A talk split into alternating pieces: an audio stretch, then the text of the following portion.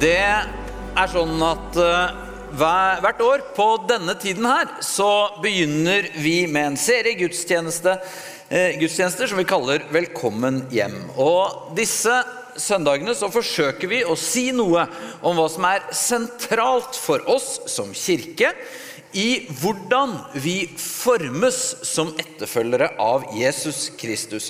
Vi begynte forrige søndag med selve hjertet i kristen tro, det som på gresk kalles evangelium, og som Paulus f.eks. her i romerbrevet beskriver sånn her Alle har syndet og mangler Guds herlighet, men ufortjent, og av Hans nåde blir de kjent rettferdige, frikjøpt i Kristus Jesus. Hvis du syns at det var litt vanskelig, så skulle du nok ønske at du heller så på online, for da kunne du stoppet og spolt tilbake til forrige søndags tale. Men eh, det er grunnlaget for alt i kristen tro. Det er fundamentet vi bygger på. I denne trekanten som vi pleier å illustrere det med, så sier vi altså at evangelium det er grunnlaget. Og så kan eh, troen erfares som levende også. Og det er på godt og noen ganger på litt dårlig vært mye vektlagt i den kristne tradisjonen som denne kirken tilhører. Det skal vi se på neste søndag. Men i dag så skal vi stoppe opp ved den tredje siden av denne trekanten, og det er det vi kaller praksiser. For du vet at eh, vi kan jo diskutere mange meninger. Hva mener du om strømkablene til England og Tyskland? Hva mener du om bistand, sommerværet, SAS eller Kina? Og meninger er viktige, for sannhet er viktig. Jeg er veldig glad i å lese, snakke om, diskutere meninger. Det er en stor del av livet mitt, faktisk. Mye større enn mange av vennene mine, eh, merker jeg. Men eh, et mer praktisk, og dermed også mer personlig spørsmål ofte er hvordan ser dette ut i praksis? Hvordan vil det si å leve et godt liv? Leve et rett liv? Hva er det vi gjør jevnlig og ofte i livet vårt? Det er litt nærgående, og jeg tenkte vi skulle dele dette i to. Først spør vi er egentlig praksisene våre viktige, og deretter hvilke praksiser gir et godt liv. Vi begynner med det første. Er egentlig praksisene våre viktige? Vi sitter i en kirke i Oslo i 2022 og skal høre om hvordan vi bør leve livene våre. Det er minst to protester som dukker opp med en gang i det. Først en sosiologisk protest. Du og jeg lever helt forskjellige liv, vi har helt forskjellige forutsetninger, historier, personligheter. Man kan ikke komme trekkende med noen praksiser og si 'sånn her passer det alle å leve'. I tillegg kommer kanskje en teologisk protest.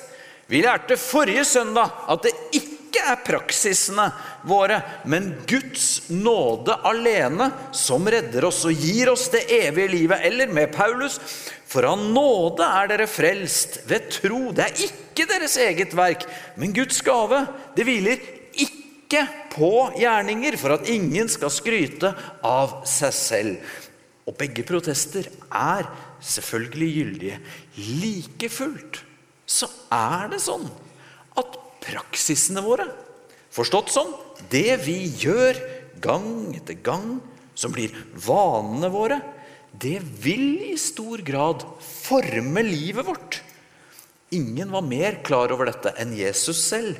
Så da han møtte mennesker, så sa han ikke, som du kanskje kan få inntrykk av hvis du går i en kirke, at her skal du føre en sannhet eller en bønn. Du skal si etter meg, bekjenne deg til, og så kommer du til himmelen når du dør. Jesus møtte folk med noe som var veldig enkelt, og på en annen måte veldig utfordrende. Jesus sa, 'Følg meg'.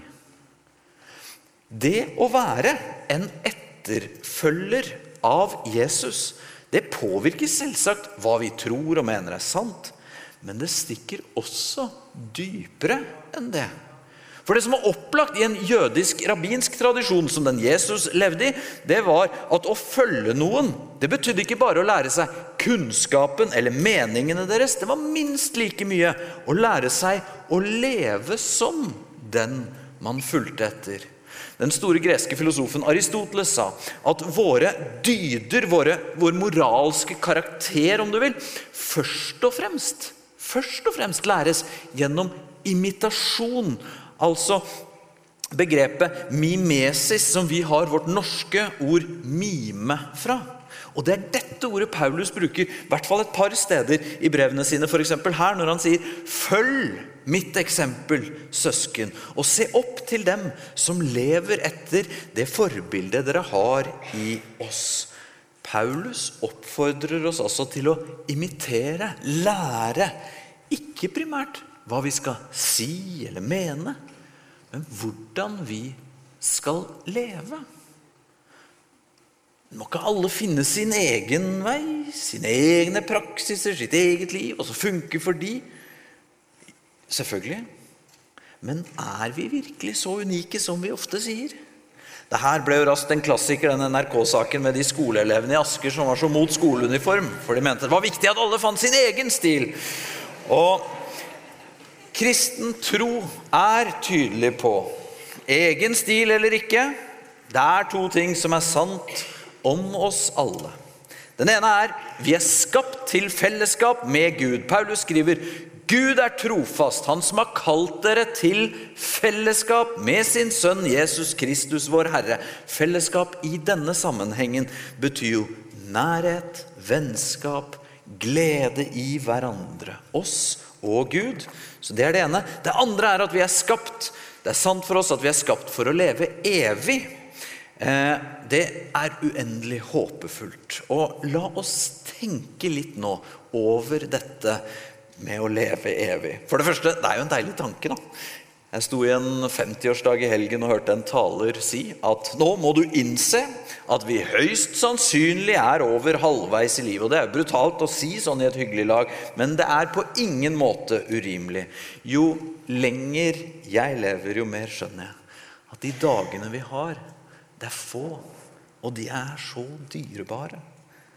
Nå, nå har vi én sommer mindre igjen å leve. Sorry å gni det inn, da. Men, men derfor er det så håpefullt med det evige livet. Jesu venn Johannes han skriver noe som i første omgang høres litt rart ut i denne sammenheng. Han skriver Dette har jeg skrevet til dere for at dere skal vite at dere har evig liv, dere som tror på Guds sønns navn. Det evige livet er altså ikke noe som vi skal få en gang i fremtiden når vi dør, men noe vi har allerede. Det evige livet har startet her og nå. Og så skal vi leve om vi enn dør, sier Bibelen. Men hvis vi altså noterer oss foreløpig at vi har det evige livet, det har allerede startet, da begynner vi å nærme oss dette med praksisene våre. For la oss fortsette en tankerekke her. Veronica og jeg, kona mi, vi har observert at med årene vi har blitt så glad i å være hjemme. Sitte sitte under pergolaen på terrassen med musikk og levende lys. Og når tenåringene hjemme, som naturlig vil masse ut og oppleve ting, ser oss sitte der kveld etter kveld, så kan jeg se at de noen ganger tenker som artist Håkan Hellstrøm synger at lillebroren hans sa om Håkans liv. Han sa 'Er det her allting, så dør ja'. Men vi liker det. For vi formes av det livet vi lever. Og da hvis det er sant, som vi akkurat sa, at vi er skapt til fellesskap med Gud og til å leve evig, da er det jo interessant og utfordrende å tenke om livet vi lever her og nå, forbereder og former oss til å like fellesskapet med Gud for alltid. For det går an å ikke like det. Det vi liker, det formes av det vi lever. Er det ikke sånn? Er det bare jeg som kan se en setting som noen mennesker elsker, og så kan jeg kjenne en nesten sånn uforskammet takknemlighet over at jeg ikke er på den danskebåten, eller? Altså, det det kan hende jeg er mer sånn enn andre. jeg ser det, Men f.eks. sånn marked. sånn Masse boder med skjerf og smykker og sånn pågående selgere og sånn. Jeg sier til Veronica når vi er i sånn, er for sånn kløe inni hjernen av å være der.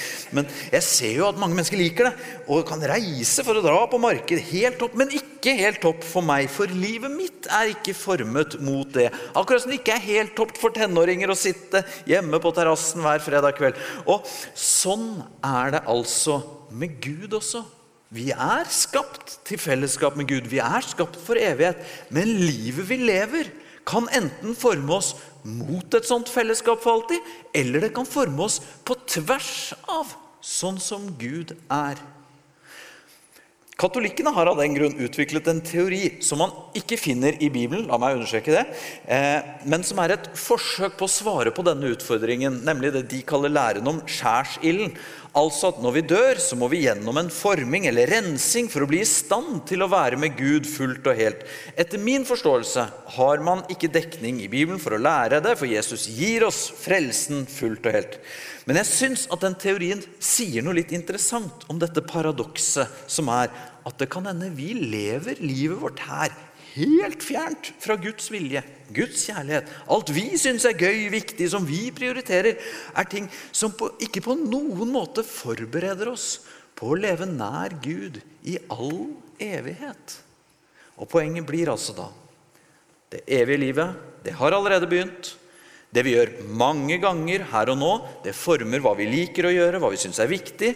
Og siden vi er skapt til å leve i fellesskap med Gud for alltid, så gjør vi klokt i å spørre oss selv hvordan kan jeg la livet mitt her og nå formes for den kommende verden? Altså i dag hvilke formende praksiser kan jeg leve i nå, sånn at jeg blir en sånn som vil leve i Guds nærvær for alltid? Og så må vi huske det er ikke praksisene, gjerningene våre, som kvalifiserer oss til det evige livet. Det er Guds nåde gjennom Jesus Kristus alene. Dynamikken blir altså da at når vi ser hvor godt og sant og frigjørende det vi har fått av Gud, er når Vi skal ta imot i nattverden straks. Da kan takknemligheten for Guds nåde få forme hva vi syns er vakkert og fint her i livet. Og det vi syns er vakkert og fint, det kan forme praksisene våre, det vi velger å gjøre. Ok, men hvordan da? Hvis, vi, hvis, du mener disse praksisene er så viktige, kan du vennligst bli litt praktisk om de? Og jeg skal det. Men det er viktig med forståelsen bak som motivasjon. Så hvilke praksiser forbereder oss og former oss til det evige livet. Eller sagt litt enklere hvilke praksiser gir oss et godt liv? Dette er jo det vi er skapt til. Forskjellige kirker vektlegger litt ulike praksiser. Nesten alle er gode. Men for å være konkrete så har Filadelfia-kirken sagt at vi ønsker å lære alle som vil, til å leve i følgende fem kjernepraksiser over tid. For vi tror at disse vil hjelpe oss til å forme oss mot det evige livet vi er skapt til. Vi begynner med bønn. Hva er det? En eh, vid definisjon av bønn, det er alt som vi henvender oss til, i betydning setter vår lit til i livet. Forfatter David Foster Wallace har sagt ganske skarpt Her er noe som er rart, men sant. I skyttergravene av det daglige voksenlivet er det ikke noe som heter ateisme. Det fins ikke noe sånt som å ikke tilbe. Alle tilber. Det eneste valget vi har, er hva vi tilber. Og den attraktive grunnen til å velge en gud å tilbe, er at omtrent alt annet du tilber, vil spise deg levende. Tilber du penger og ting, hvis det er der du henter din egentlige mening i livet, vil du aldri ha nok, aldri føle at du har nok. Det er sannheten. Tilbe kroppen din, utseende, seksuelle fristelser og du vil alltid føle deg stygg. Og når tiden og alderen begynner å merkes, vil du ha dødd en million ganger før dagen kommer når man faktisk sørger over deg. Alle tilber i betydning vi setter vårt håp, vår lit til noe. Men alt det midlertidige som vi setter vårt håp til, det kommer en dag til å skuffe oss. Da vil andre stemmer i vår tid si ja, men da må vi søke innover i oss selv. Det å være autentisk, ha kontakt med oss selv, være et integrert menneske. Det Søren Kirkegård kalte et etisk menneske, og det er selvsagt sunt. Men kristen bønn er ikke å søke alle svarene, verken i det midlertidige, rundt oss eller innover i vårt eget indre, men å søke Gud. Hvordan ber vi? Vi skal denne høsten faktisk ha en serie gudstjenester om bønn for å gå inn på hvordan Jesus lærte oss å be. Så nå vil jeg derfor bare kort si at bønn det er både noe personlig og noe felles. Når jeg er stresset, redd eller sint, så har jeg i meg at da ber jeg Jesusbønnen, som bygger på den blinde Bartimeus' rop til Jesus fra grøftekanten. Kjære Jesus Kristus, du Guds sønn, se nåde til meg, en synder. Kjære Jesus Kristus, du Guds sønn, se nåde til meg, en synder. Når jeg er ordentlig i flyten og kjenner at jeg er en sånn skikkelig pinsepastor, så kan jeg be i tunger, sånn ord jeg selv ikke forstår, fra mitt hjerte til Guds hjerte. Men uansett så er bønn personlig, mellom meg og Gud direkte. Og så ber vi sammen, som vi akkurat ba eh, sammen her. Og da kommer vi til en annen praksis, nemlig storfellesskap eller gudstjeneste. Forfatter Eugene Peterson han var kjent som en mann som lignet så på Jesus at folk ofte spurte om han kunne lære dem å be også. Og Da svarte han alltid det samme. Møte opp i kirken søndag morgen. Søndag kveld kan vi oversette med. Eh, og det er sant at praksiser lærer vi gjennom å gjøre de sammen. Imitere, som Aristoteles og Paulus sa. Og tenk på dette her. Alle døgnets våkne timer så får vi impulser, og gjennom vår tilgjengelighet i ulike flater så fyller vi alle tomrom med disse impulsene. Og så kommer en gudstjeneste en drøy time i uken, hvor du får høre en annen fortelling enn den som dundrer rundt oss overalt hele tiden. Spørsmålet er jo ikke om du og jeg trenger den ene timen. Du som er ny i Oslo, og hvor alt her i byen øh, vil fortelle deg ting. Tror du du trenger den ene timen med en annen fortelling? Spørsmålet er hvem blir vi uten den praksisen av storfellesskapet eller gudstjeneste? Vår kultur er for tiden dypt konsumorientert. Altså, Vi læres fra vi er helt små, jeg ser det i barna, til å tenke som kunder. Og vi spør hver dag og foran nesten alt vi skal, spørsmål som hva er det mest attraktive, underholdende, morsomme, givende, lønnsomme jeg kan gjøre nå? Og jeg er ganske selvsikker på Kirkens vegne, så fra den vinkelen så kan det godt hende at av og til vil gudstjeneste være svaret på sånne spørsmål. Og du er alltid velkommen, også om du kommer hit som en kunde og bare sitter og lurer på hva er det i dette her for meg nå, da. Men jeg vil våge å si at det er ganske overfladisk og kortsiktig å bare stille det spørsmålet hva gir det meg akkurat nå? Hvis vi i stedet spør hvem blir jeg? Hvem vil jeg være? Hvordan formes jeg til det evige livet? Da blir gudstjeneste, storfellesskap, plutselig selvsagt. Ikke som plikt eller tvang, men ut ifra en forståelse av hvem jeg er som etterfølger av Jesus. Så vil det av og til føles skikkelig inspirerende. Av og til vil det være et ork å komme ut døren hjemmefra. Men poenget er å ikke måle bare følelsen eller effekten i øyeblikket, men å følge med på hvem vi blir i lengden. Og da trenger vi rom som dette, søndag etter søndag etter søndag, som forteller den store historien om skapelse, fall, frelse og gjenopprettelse, og som vi er skapt til å lære av hverandre. Derfor så kommer vi også til en tredje praksis som vi allerede har sett i gudstjenesten, nemlig småfellesskap. Jeg skal ikke si så mye om det, annet enn at jeg vil dele min favorittinnsikt om småfellesskap, som forfatter C.S. Lewis beskrev sånn. De var tre venner i hans småfellesskap som møttes i mange år og delte troen og livet. Det var Lewis selv, det var Ronald Tolkien, som skrev 'Ringenes herre'-bøkene, og Charles Williams. Og da Charles den tredje døde, så skrev Lewis Hør på dette her nå. I hver av mine venner er det sider som bare en annen av vennene mine kan få frem. Jeg trenger på en måte andre lys enn mitt eget for å få frem alle fasettene. Nå som Charles er død, vil jeg aldri igjen se Ronalds reaksjon på en typisk Charles-bøk. Jeg får jo ikke da mer av Ronald, nå som jeg ikke må dele han med Charles. Langt ifra. Jeg får mindre av Ronald. For nå ser jeg ikke alle de sidene ved Ronald som bare Charles fikk frem.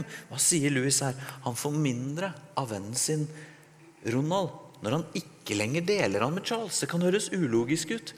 Men det er jo dette at de får frem ulike sider ved hverandre når vi snakker om Gud. Du ser sider ved Gud som jeg ikke ser. Og når vi møtes i småfellesskap, i mitt småfellesskap, så lærer vi av de bildene hverandre bærer av Gud.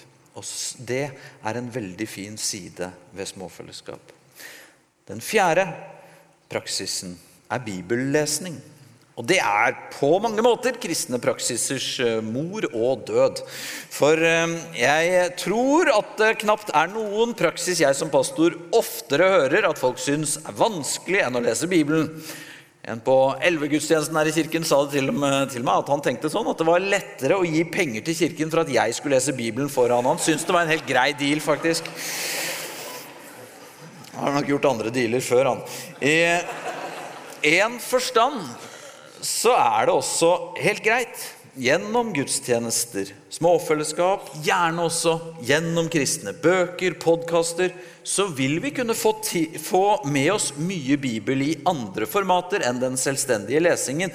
Og i en tid der veldig mye av det vi tar til oss av informasjon, er spesialdesignet for oss, for akkurat vår alder, for vår interessegruppe, så er det klart at tekster som er flere tusen år gamle, skrevet til mennesker i en helt annen kontekst enn vår, kan føles umiddelbart ikke så tilgjengelig. Men Bibelen er en skatt. Den har formet så mye av vår vestlige sivilisasjon, språk, verdier. Og det å være et menneske som er fylt av Bibelen og Guds ord, det er en sånn tilstand Man snakket om gamle kristne før og kalte de lesere. Jesus selv var en leser.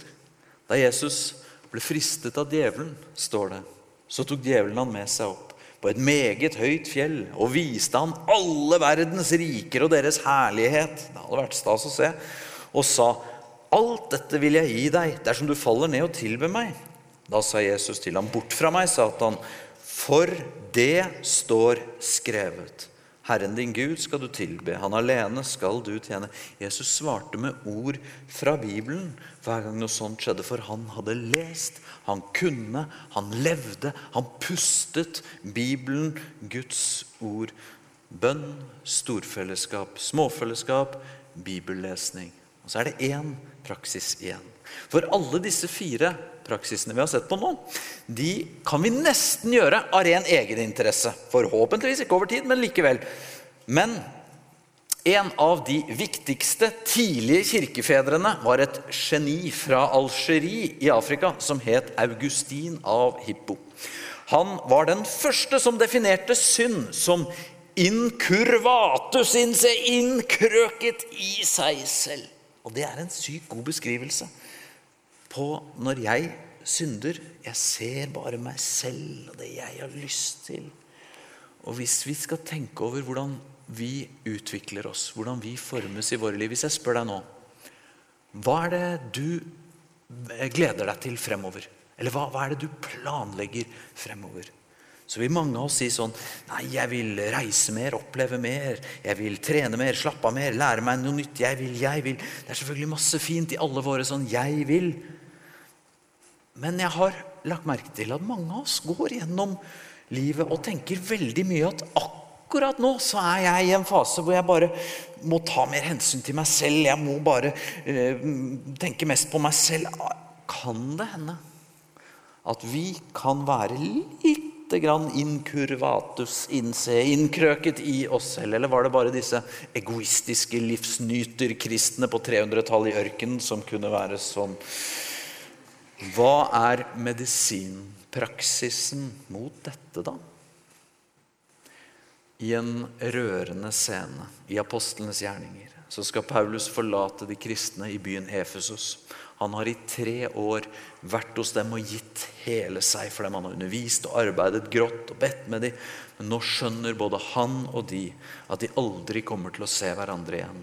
Paulus levde med dødstrusler over seg. Det står at de alle brast i gråt. Og Paulus taler til dem en siste gang. Så ber han de innstendig om å tjene hverandre. Og så sier han alltid har jeg holdt fram for dere at vi må arbeide på denne måten og ta oss av de svake. Husk de ordene Herren Jesus selv sa. Det er saligere å gi enn å få. Den kristne praksisen mot å bli innkrøket i oss selv er å leve et tjenende liv. Det kan være frivillig tjeneste i kirken for noen andre enn deg selv, ut ifra kirken i noe diakonalt arbeid. Det kan være et helt annet sted i samfunnet, og det behøver heller ikke å være organisert formelt, men det må være en praksis av å tjene noen andre enn oss selv. Frivilligheten i Norge går nedover. Alle vil være sånn punktfrivillige. sånn Du kan ringe meg, så kan jeg se om det passer akkurat da. Eller det er sånn Andreas Hegertun som sitter på terrassen sin og mener masse om folk som burde skjerpe seg. Men kan vi gjøre Paulus skrev til filipperne Tenk ikke bare på deres eget beste, men også de andres. Så altså Vi er skapt til fellesskap med Gud for alltid. Livet er dyrebart. Det evige livet har allerede begynt. I takknemlighet over å ha fått Guds nåde helt ufortjent, kan vi la livet vårt formes av Guds kjærlighet. Og praksisene våre, det vi gjør igjen og igjen, det former hva vi liker, og hvem vi blir. Og da er det bra om vi formes mot det evige livet og ikke bare mot det midlertidige. Og Så utfordres vi til å leve i disse fem kjernepraksisene. Bønn, storfellesskap, småfellesskap, bibellesning og et tjenende liv. Og så er vår bønn at vi gjennom dette, litt etter litt, gjennom å falle, gjøre feil, men reise oss og gå igjen mot Han som elsker oss og som i sin nåde kaller oss til seg nå, i dag, i morgen og i all evighet. Skal vi be sammen. Jesus Kristus, tusen takk for at du har elsket oss, at du elsker oss. Og vi ber om at din kjærlighet til oss må få forme livet vårt, sånn at det vi lever, det gjør at vi blir mer de vi er skapt til. Mer mennesker som lever i fellesskapet med deg, Gud, og forberedes på det evige livet som allerede har startet. Så kom, Hellige Ånd, i akkurat våre situasjoner. Der hvor vi er nå. Når vi nå sitter her og, og tenker og ber Altså vis oss eh, og hvisk til oss i hjertet vårt hvordan du vil at vi kan gå videre herfra. Vis oss dører vi bør gå forbi, og vi bør gå inn i. Vis oss eh, muligheter som du legger foran oss, gode gjerninger som på forhånd ligger der, så vi kan få gå inn i de. I Jesu navn ber vi. Amen. Du har nå hørt en podkast fra Filadelfia-kirken i Oslo. Vil du vite mer om oss, gå inn på filadelfia.no. Og ikke minst velkommen til å feire gudstjenester med oss hver eneste søndag, enten fysisk eller online.